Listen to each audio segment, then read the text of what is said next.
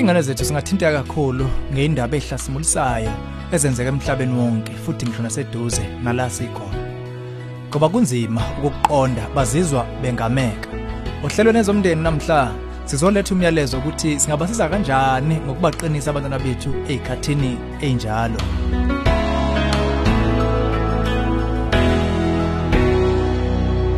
Angithatha ithuba ngikubingelele ezomndeni uhlelo lwakho lokulethela izeluleko eziphathekayo ngaba ka focus on the family. Sithola lo mbuzo kumama okhathazekile othe Njengomzali ngingabhekana kanjani nengane yami ngekhathi la khona kunobudududu bobuqhuqhuqhu beyibhamu imbubhane zemvelo nezinye izimo ezihlasimulisayo ezingokuthatheka kwempilo? Ngabe kumele ngenze okuseqopheleni ukubasitha kulolu lwazi okuyinto engelula neze ngokwezindaba ezingena zilekanyana kwezokusakaza kulezi insuku. Kumbe ngizama ukukhuluma nabo ngakho? Kumbuzo omuhle nosemqoka kakhulu ngokubuka uhele lwezehlo zalolu hlobo. Njengoba uPaulile ukunganakwa bezindaba kulezi insuku yikho okuyikhulisa kakhulu inkinga. Sikhuthaza uqaphelisise futhi ube nokwehlukanisa ngokubuka nokulalwa ingane yakho eindabeni ikakhulukazi uma kuyizinto ezirong kakhulu. iTV yilokho abahlaziyi abakutoleka njengezinga eliphezulu ngokwemedia.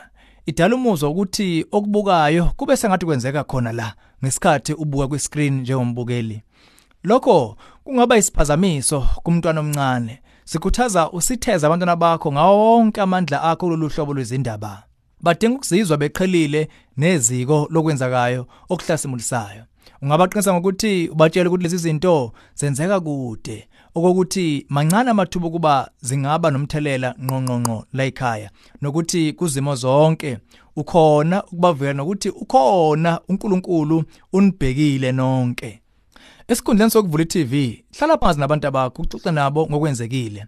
Maningi amathuba ukuthi sebevese sebezwile ngakho kuthisha esikoleni kumbe kubafundi, ikakhulukazi uma kuyisehlo esingezwe lonke kumbe esiqavile emhlabeni.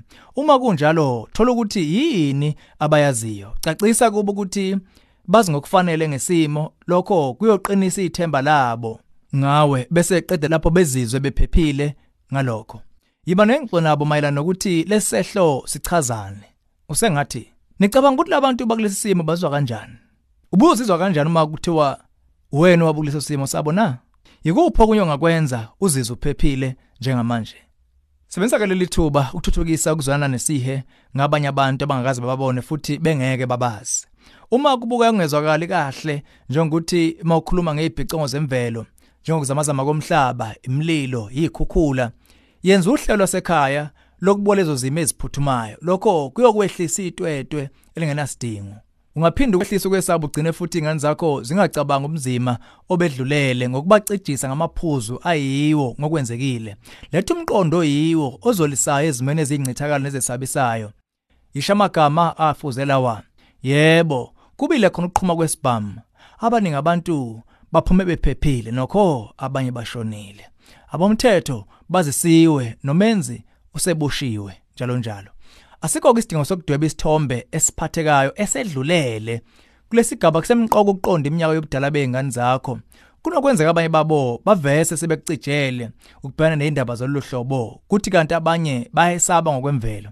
Kumele ke uhambe nabo labesibili ngokwegxathi lomntwana. Banike isikhathi eside ukwetshisa imizwa yabo basize uqonda ukuthi umhlaba awusindawo ephephile nokuthi izinto ezimbi ziyenzeka ikhathi ngekhathi baqinise ngomcabango ukuthi uNkulunkulu uhlale nathi ukuthi uthembisile ukuma nathi nokuthi uyosinakekela noma ungaqhamukani endleleni yethu.